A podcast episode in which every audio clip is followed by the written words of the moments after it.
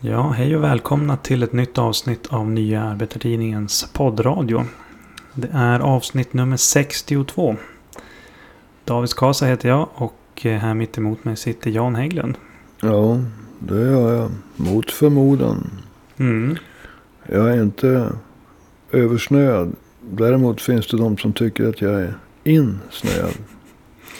Ja, du var ju bokstavligen insnöad ett tag där eh, när det var snöstorm och de inte plogade eh, parkeringsplatserna. Ja, att köra fast två gånger på samma kväll och skotta och skotta. Det var inget kul. Nej. Men nu har de eh, plogat gatorna här. Och eh, man kan till och med cykla vart som helst nu. Mm. Om man tycker att det är kul. Det gör man ju. Ja, och det gjorde jag också för en 40 år sedan. Ja, vi ska ta och sätta igång med dagens ämne här tänkte jag. Eh, Så att inte du börjar diskutera arvoden. Om det är någon lyssnare som tycker att arvodesfrågan och sånt där är viktigt så kan du alltid swisha ett bidrag eh, till 123. Förlåt, var, var ska de swisha? Eh, Swisha skulle de göra. 123 504 7105. Förlåt, vad var numret? 123 504 7105.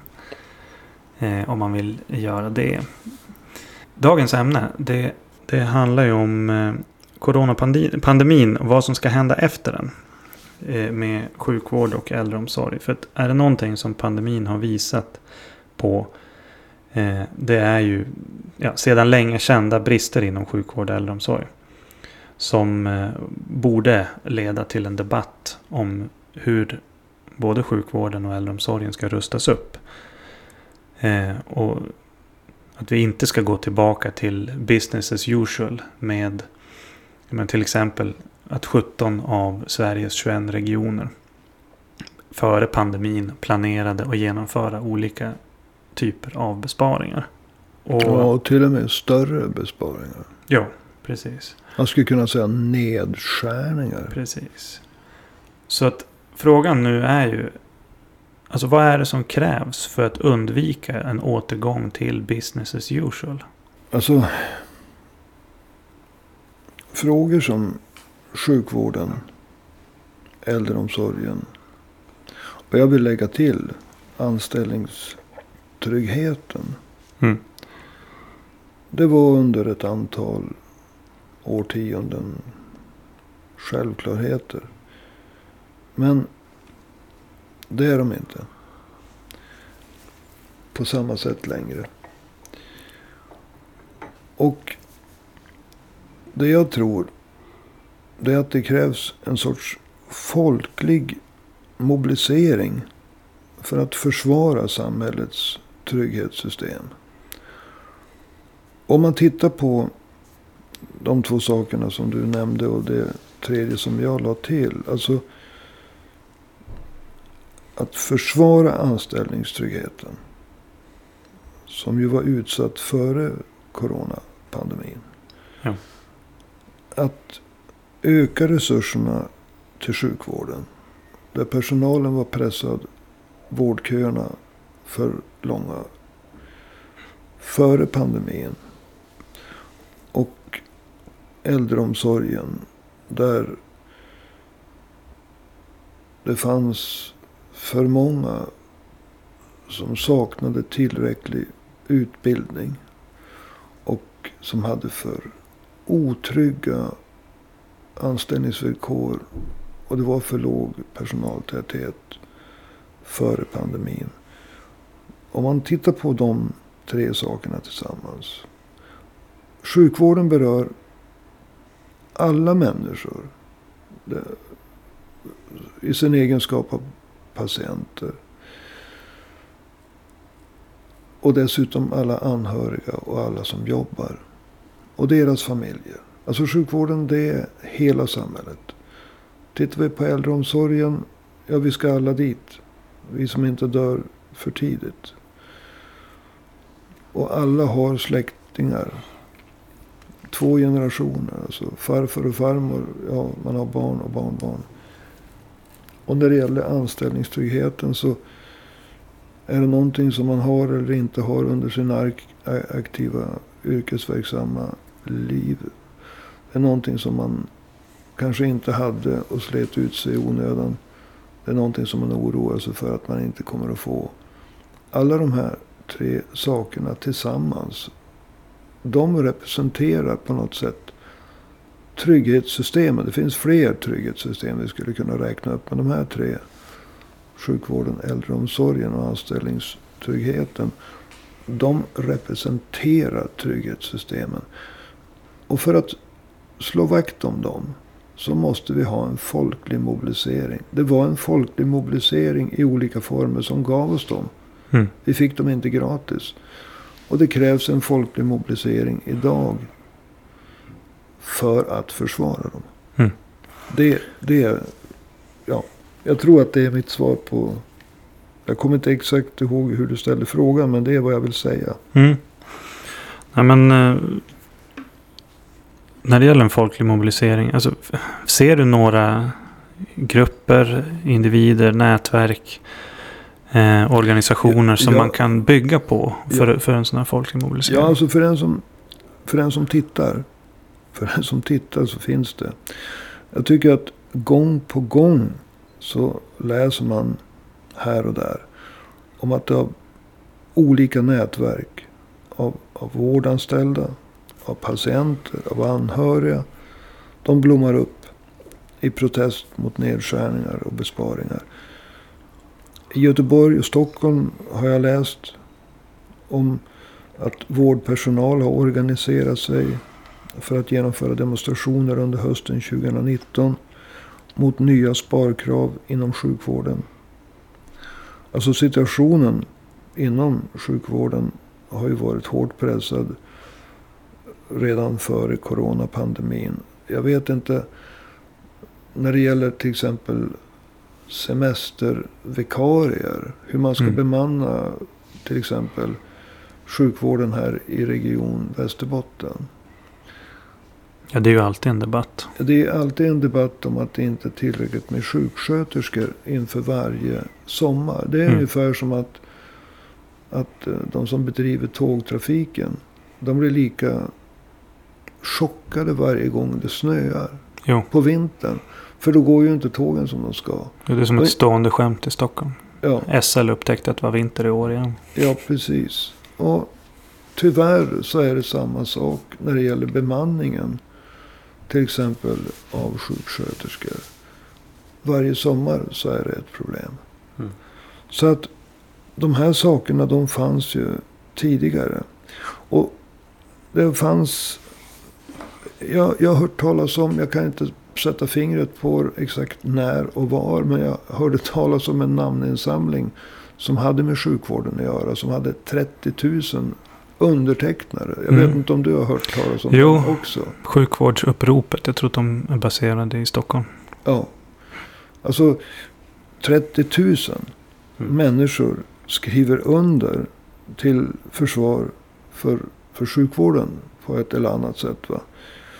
Alltså, man, man hör ständigt talas om, om sådana här initiativ. Och jag kan inte så att säga säga källan. Men jag vet alltså att det i både i Göteborg och Stockholm så är det vårdpersonal som organiserar sig. Manifestationer genomförts. Och just det här med anhöriga. Som liksom tar hand om. Ja. Som, som engagerar sig för sina, för sina släktingar. Va? Mm. Patientföreningar. Det, det är en oro. Och, och jag, jag vet en person. Det här är en person. Man ska inte dra så. Men jag kommer ihåg att alltså, det var en person som flyttade från Region Västerbotten till en annan del av Sverige för att få en ganska avancerad behandling snabbare. Mm. Jag har själv väldigt positiva erfarenheter av sjukvården i Region Västerbotten. Men det beror ju lite grann på vilka åkommor man har. Va? Mm. Men att vårdköerna har varit långa, det är ju någonting som är känt. Jo. Så visst finns det liksom saker att bygga på. Ska vi, ska vi prata om när det gäller eh, anställningstryggheten. Så där började ju en våldsam debatt i slutet på 2019 i samband med mm. att man skrev under januariavtalet mellan de två regeringspartierna S och MP och samarbetspartierna Centern och Liberalerna. Mm. Det, det, det, var en av de 73 punkterna, en av de mest anmärkningsvärda, var just att man skulle försämra anställningstryggheten. Jo. Så att där har ju LO spruckit. Mm. Och där finns det naturligtvis en väldig spänning. Så ja, det finns. Du, du frågar väl no mm. om det finns någonting att bygga på? Precis. Det finns någonting att bygga på. Mm. Frågan är bara hur man, hur man bygger. Va? Ja. För folk har en tendens, folk och folk, men alltså de som drabbas, de som oroar sig, har en tendens att knyta näven i byxfickan som man brukar säga. Mm. Och när man har lämnat in en namninsamling som man har, ja, man jobbar jättehårt för att få ihop 30 000 namn. Så är alltid frågan, vad ska vi göra? Vad blir nästa steg? Mm. Om politikerna tackar och tar emot artigt eller oartigt. Spelar ingen roll. Vad blir nästa steg? Mm. Det är där det ofta är svårt. Mm. Det är där sådana här tillfälliga organisationer som gör ett jättejobb faller samman. För att man vet inte vad man ska ta. Vad, blir, vad nästa steg ska bli. Mm. Vi ska återkomma till den saken om ett tag. Om, om eh, nästa steg. Jag tänkte först bara höra. Alltså, man kan ju tycka så här. Sjukvård, äldreomsorg, anställningstrygghet. Det är ju tre stycken stora frågor i sig. Hur, hur, hur hänger de ihop? Ja, alltså. Jag tror att du, du försöker leda mig lite grann åt rätt håll. Om man så säger. Alltså coronapandemin har ju visat hur de här sakerna hänger ihop. Jag menar att sjukvården fick sju, alltså där det redan fanns vårdköer. Där personalsituationen var, redan var ansträngd. Att den fick ta en väldig smäll i samband med coronapandemin. Det är ju uppenbart. Och i, i början fick man ju omprioritera. Så att man sköt upp mycket av diagnoser, provtagning, operationer och, och ingrepp. För att ta itu med det man kunde när det mm. gäller coronapandemin. Um, sen så finns det ju en koppling direkt. Alltså sjukvård och äldreomsorg. Den medicinska kunskapen måste ju föras över. Från sjukvården till äldreomsorgen. Men också när det gäller anställningstryggheten. Därför att vi vet ju när vi räknar de döda. En väldigt, väldigt stor andel av de döda. De som har dött av coronapandemin. De har dött inom, alltså, inom äldreomsorgens verksamhet. Det handlar, den största andelen, det är nästan 50 procent. Jag tror mm. att det är någonstans mellan 45 och 50 procent har dött på särskilda boenden för äldre. Mm. Och en annan stor andel, kanske 25 till 30 procent, har dött. De har haft hemtjänst. Mm. Och de två delarna i äldreomsorgen som man brukar prata om. Det är ju särskilda boenden för äldre. Och det är de som har hemtjänst. Och där Så har det ju handlat om att det fanns inte tillräckligt med skyddsutrustning.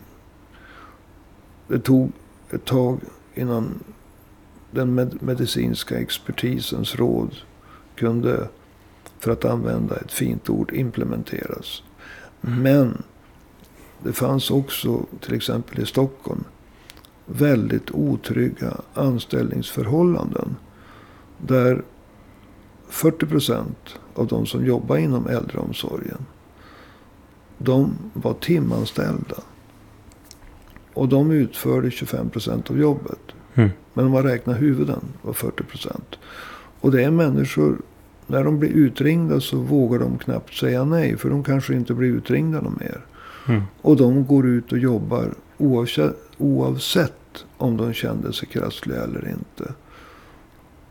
Och eh, vad, vad, heter det? Är det Coronakommissionens rapport mm. Som har fäst uppmärksamheten på de här sakerna? Jo.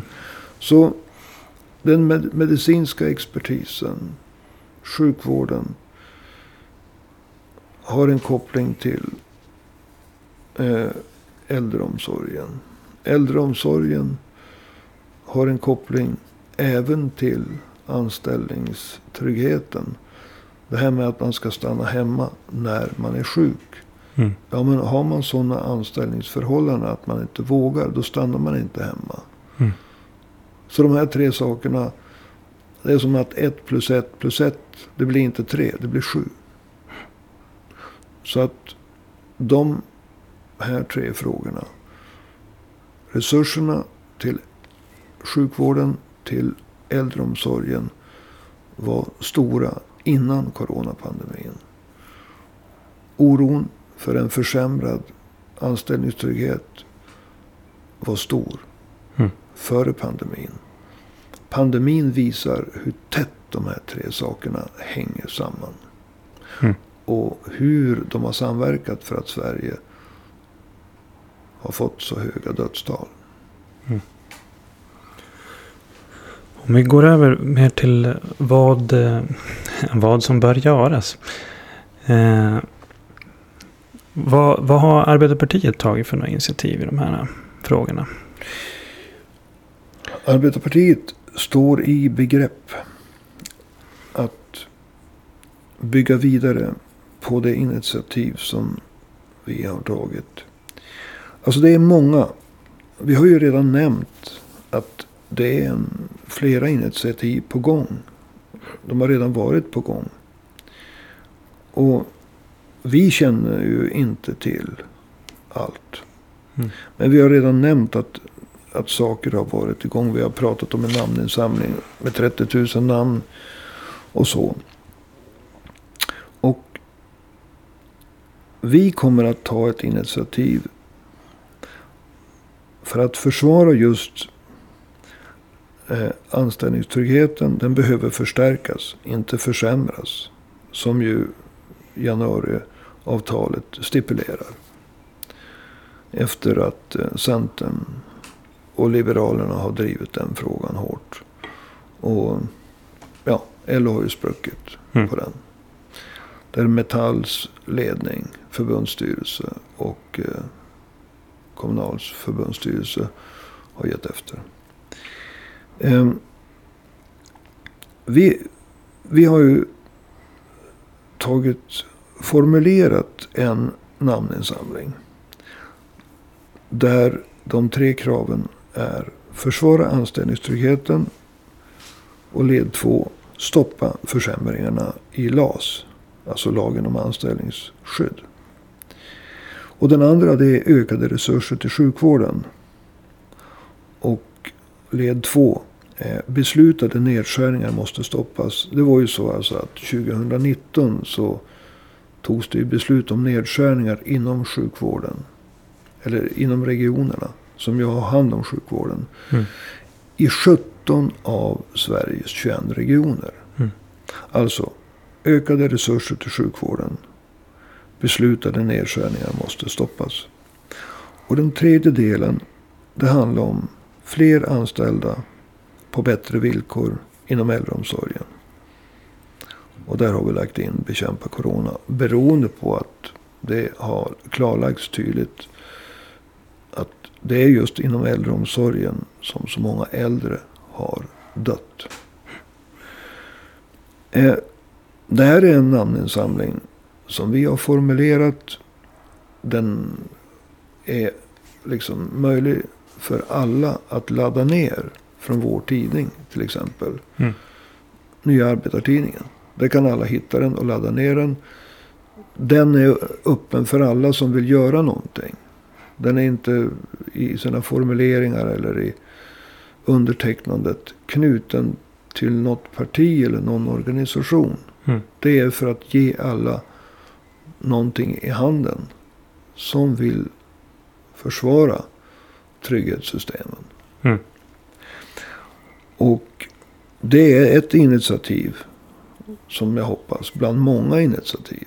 Jag menar, det vi, vår namninsamling kan ju inte bli liksom den enda. det vore ju synd. Utan ju fler namninsamlingar, ju fler manifestationer, ju fler opinionsyttringar, desto bättre. Vi Mm. tänker bidra med det vi kan. Mm. Och, och det är att knyta ihop de här. Eh, så, så det är en av de sakerna som vi har påbörjat. Mm. Vi har, vi har börjat, vi har testat, vi har fått erfarenheter. Här i Umeå i 20 grader kyla har vi samlat in namn. Men vi sprider den Mm. över Sverige. Du har ju nämnt de här initiativen som finns på annat håll. Hur ska man kunna samla alla? Menar om det finns några här i Umeå. Det finns de här i Stockholm. Det kanske är några i Kiruna. Kanske några i Malmö. Hur ska man kunna samla alla de här initiativen? Ja, det vore ju en väldig, väldig styrka om de olika initiativen kunde samverka. Och riksdagen öppnar den 14 september. Vad är det för datum idag? Det är väl den 9 februari. 9 februari? Ja, Så det är ett tag kvar. mars, april, maj, juni, juli, augusti, september. Om sju månader så har vi riksdagens högtidliga öppnande. Det är den 14 september. Jag vet inte riktigt vilken veckodag det är. En tisdag. En tisdag. Om de olika initiativen. Liksom de olika nätverken. Lokala fackliga organisationer, centrala fackliga organisationer. Om man kunde samlas och göra en form av gemensam uppvaktning av statsminister Stefan Löfven. Som ju är den som ändå ska samordna försvaret mot corona. Mm. Som ska ta ansvar ytterst för anställningstrygghet, sjukvård, äldreomsorg, trygghetssystemen. Mm. En gemensam uppvaktning från alla olika initiativ i samband med att riksdagen öppnar. Det tror jag skulle vara en väldig, väldig styrkedemonstration.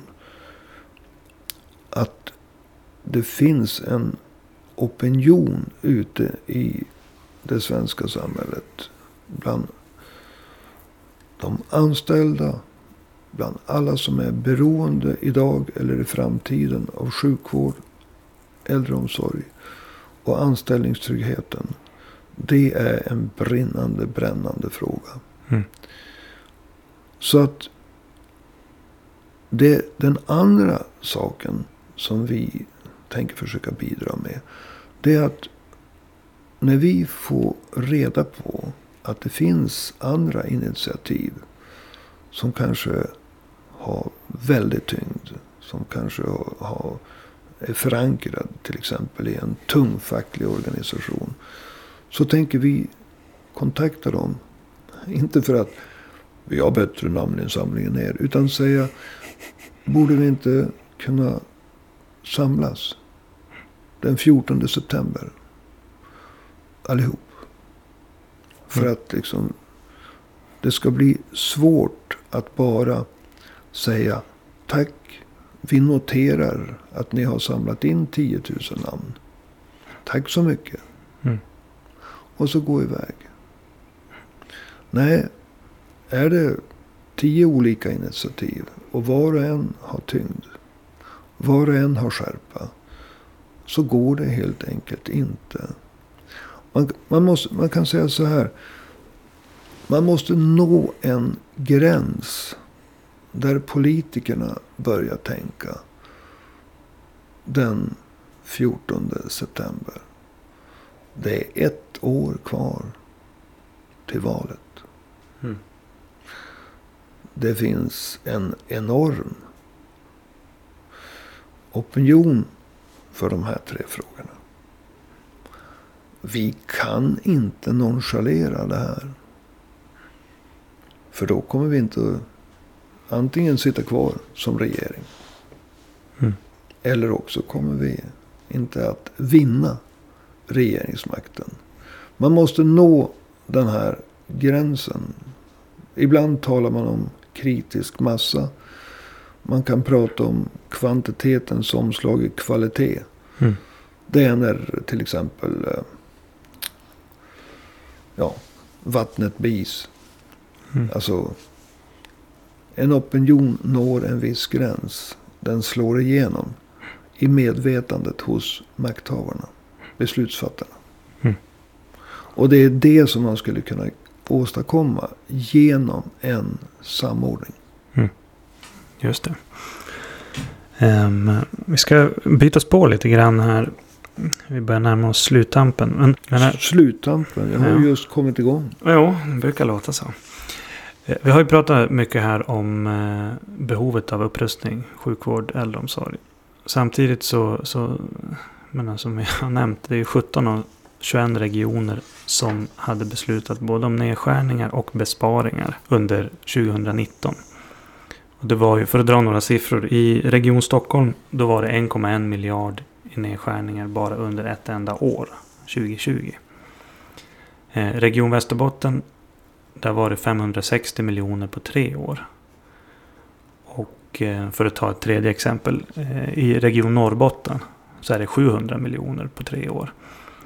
Så att det där är vad, vad som var planen före pandemin. Alltså att man ska dra ner på verksamheten. Besparingar och nedskärningar.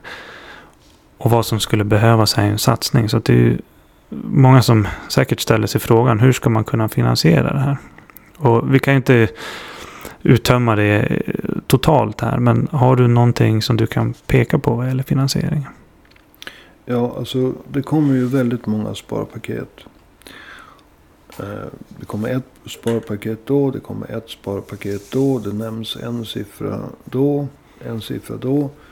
Ibland så slår man ihop olika siffror. Ibland slår man inte ihop olika siffror. Det är väldigt komplicerat. Vissa pengar ska räcka ett år.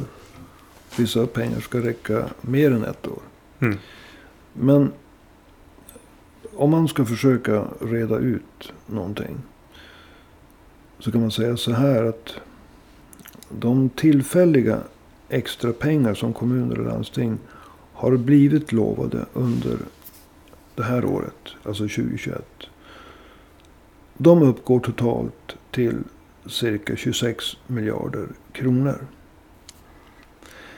Men samtidigt så har regeringen tillsammans med Centern och Liberalerna. Alltså S, MP, C och L. De har sänkt skatten med 30 miljarder för 2021. Och det här ska ju då, de här skattesänkningarna, de, de är ju inte för ett år. Utan de är ju ett ingrepp i skattesystemet som innebär minskade offentliga inkomster Mm. varje år. Och de ska ju läggas ovanpå de cirka 140 miljarder i skattesänkningar varje år. Mm. Som genomfördes under de åtta år som vi hade alliansregeringar under Fredrik Reinfeldt. Alltså från 2006 till 2014. Mm. Så att besluten om skattesänkningar. De innebär ju att varje år så underminerar ju skattesänkningarna statens möjligheter att stötta regioner och kommuner. Och det har ju skett. Man har haft en hel del i ladorna. Mm. Alltså finansminister Magdalena Andersson. De, och regeringen. De har haft en hel del i ladorna.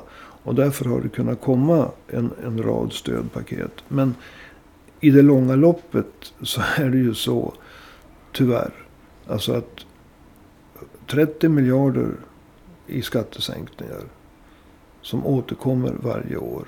Och tidigare 140 miljarder i skattesänkningar. Som på något sätt Socialdemokraterna och Miljöpartiet. De legitimerar ju med sina nya 30 miljarder i skattesänkningar. Även de tidigare 140 miljarderna i skattesänkningar.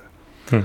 Så det här innebär ju att de framtida möjligheterna för en regering att stötta regioner och kommuner för satsningar på sjukvården, för satsningar på äldreomsorgen.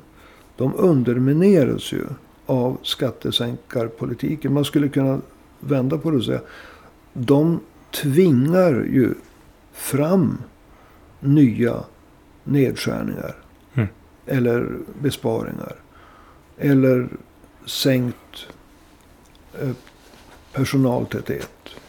De försvårar ju eh, att vidareutbilda den personal som behöver vidareutbildas inom äldreomsorg. Till exempel. Så att det måste bli ett slut på skattesänkarpolitiken. Det är ju en absolut en absolut eh, insikt. Som det går inte alltså, att bedriva vare sig regeringspolitik eller oppositionspolitik. Det måste bli slut på skattesänkningarna. Mm. Och eh, om inte det blir den politik som en regering driver. Så kommer ju skattesänkningarna att tas. Alltså det, det kommer ju att bli en reaktion i form av skattehöjningar då. I vissa regioner och i vissa kommuner. Mm. För att skattehöjningarna kommer att komma. Frågan är liksom. Kommer de att ske på hipp som happ? De kommuner där det finns en majoritet för skattehöjningar. Ja, där kanske det blir skattehöjningar. Det, det, alltså, det finns ingen samordning. Skattesänkningarna, de ser... Alltså de statliga skattesänkningarna i en statlig budget. De sker samordnat. Och beroende på politiska majoriteter och beroende på liksom akuta situationer så kanske det sker skattehöjningar här och där. Mm. In, inte hipp som happ, det menar jag inte. Men det pressas fram olika skattehöjningar beroende på olika situationer. Alltså dels hur det ser ut och dels den politiska majoriteten. Det blir ett lapptäcke. Det, det, det kan inte bli bra. va Skattesänkarpolitiken måste upphöra från regeringsnivå. Mm. Alltså från riksdag och regering. Det är ett absolut, alltså absolut krav. Mm. Den andra saken det är, vad gör vi? Vad gör vi av de pengar som finns? Och här har vi ju frågan om anställnings... Alltså det som hände på 70-talet det var en reformering av arbetsmarknaden. Och eh, Det handlar ju om vad har personalen att säga till om när det gäller hur pengarna används. Mm. Och eh, tanken på 70-talet med arbetslivets reformering.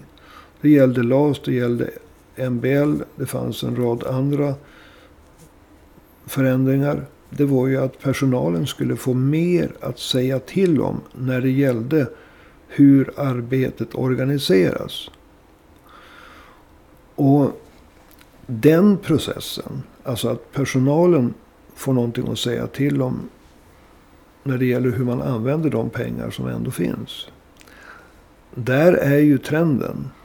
Och den slås ju fast av att man angriper LAS. Att pressa tillbaka personalens möjligheter att vara med och bestämma hur pengarna används på bästa sätt. Mm. Det finns någonting som kallas för ett processorienterat arbetssätt. Och det går ut på att man ska så att säga, de be besluten ska tas på golvet. Man ska så att säga släppa lös styrkan från golvet. De som står närmast produktionen, om man får uttrycka sig så, av sjukvård, av äldreomsorg. De ska också få mer att säga till om.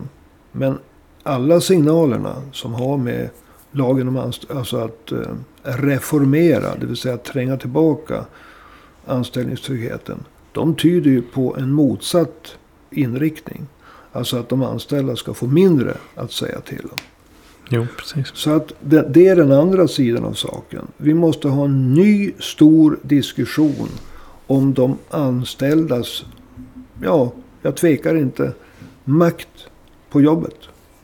Och därmed också makt över hur pengarna anställs. Nej, används. Mm. De två sakerna. Hur mycket pengar och hur de anställ, äh, används. Ja. All right. Eh, då börjar vi närma oss eh, slutet där. Men innan vi avrundar så får du eh, en, ja, sist, några slutord helt enkelt. Ja, jag vill sluta där jag började. Jag pratade lite grann om behovet av en folklig mobilisering. Jag skulle vilja utveckla det där lite grann.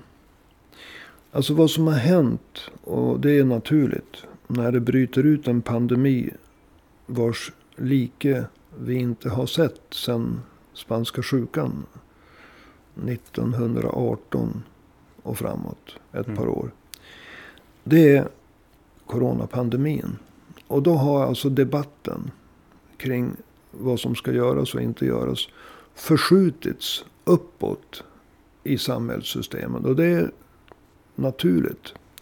Alltså, vilka är det som har, av återigen naturliga skäl? Ja, Folkhälsomyndigheten. Socialstyrelsen. Socialdepartementet. Myndigheten för samhällsskydd och beredskap. Och de har intervjuats av mer eller mindre kunniga och kritiska journalister. På sista tiden så har eh, det här som tidigare var i största politiska enighet har börjat bli en politisk stridsfråga. Mm. Där eh, såväl eh, samarbetspartierna, Centern och Liberalerna som, om jag får uttrycka mig, det konservativa blocket med Ulf Kristersson i spetsen börjar rikta kritik mot regeringspartierna S och MP. Mm. Det jag säger det är för att jag vill visa att diskussionen den har förskjutits upp i samhällssystemet till experterna. Mm. Till eliten. Alltså, nu menar jag inte det. Jag menar att det här är en naturlig sak när man ställs inför någonting som de flesta till en början åtminstone såg som någonting av en naturkatastrof. Och som kanske delvis också var det. Va? Delvis. Mm. Men när vi pratar om en folklig mobilisering. Så måste vi också liksom ta fasta på vad som har kommit fram under det dryga år som har gått. Det går inte att inte åstadkomma en folklig mobilisering om man inte tar ner debatten på den nivån att de anställda inom sjukvården, äldreomsorgen och alla andra som är intresserade av att ha en anställningstrygghet. Mm. Att patienter, brukare, att anhöriga kan delta i diskussionen. En folklig mobilisering måste så att säga inte innebära att vi struntar i experterna. Men diskussionen får inte monopoliseras av experter. Där politikerna väljer de experter som de tycker är bäst. Mm. Utifrån dagsopinionssiffrorna. Journalisterna likadant. Alltså mm. det har skett en förskjutning av diskussionen. Upp. Det är dags nu. Det finns tillräckligt många utredningar. Som mm. visar på tillräckligt stora problem. Diskussionen måste bli mer folklig. En folklig mobilisering kräver att de som vill försvara anställningstryggheten. De som vill ha mer resurser till sjukvård och äldreomsorg. De kan lägga sig i.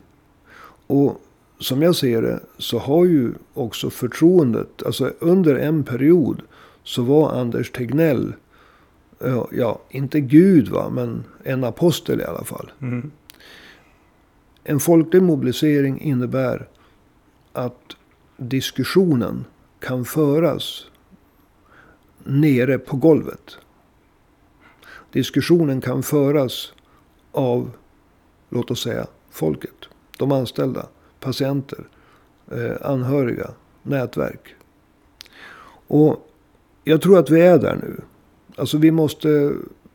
Monopoliseringen till de eh, experter, mer eller mindre kritiska. Den är bruten. Och eh, nu måste vi mobilisera till försvar av anställningstrygghet. Till försvar av sjukvård. Till försvar av äldreomsorg. Mer resurser. Och det innebär samtidigt, och jag vill betona det här därför att jag tycker inte att det någonsin har sagts. Men jag tänker säga det. Det innebär att den monopolisering till experter. Där man, experter, olika grupper av experter. Från början var det bara en expert, Anders Tegnell. Sen så kom det 22 stycken som ifrågasätter den svenska strategin mot corona. Och sen så har diskussionen breddats och breddats. Mm. Man kan inte ha en folklig mobilisering så länge hela diskussionen bara förs bland experter. Mm. Vi har nått en sorts spridning av kunskaper, en sorts spridning av insikter som gör att det är möjligt med en folklig mobilisering kunskapsmässigt. Mm. Nu gäller det att ta vara på det och sprida olika initiativ, namninsamlingar. Till försvar av anställningstryggheten, manifestationer, till mer resurser för sjukvård, äldreomsorg. Och att försöka samla dem. Och jag vill säga, jag tror alltså att en, en överlämning av olika skrivelser, namninsamlingar i samband med att riksdagen öppnar. Att man mm fokusera på det. Det är det riktiga. Mm. Det finns en kunskapsmässig förutsättning. Det finns en politisk. Och låt oss kalla, alltså inte partipolitisk, det är inte det jag pratar om. Utan en politisk viljeinriktning att satsa på de här trygghetssystemen. Mm. Och det är där jag vill sluta. All right. Det är dags. Tack ska du ha då.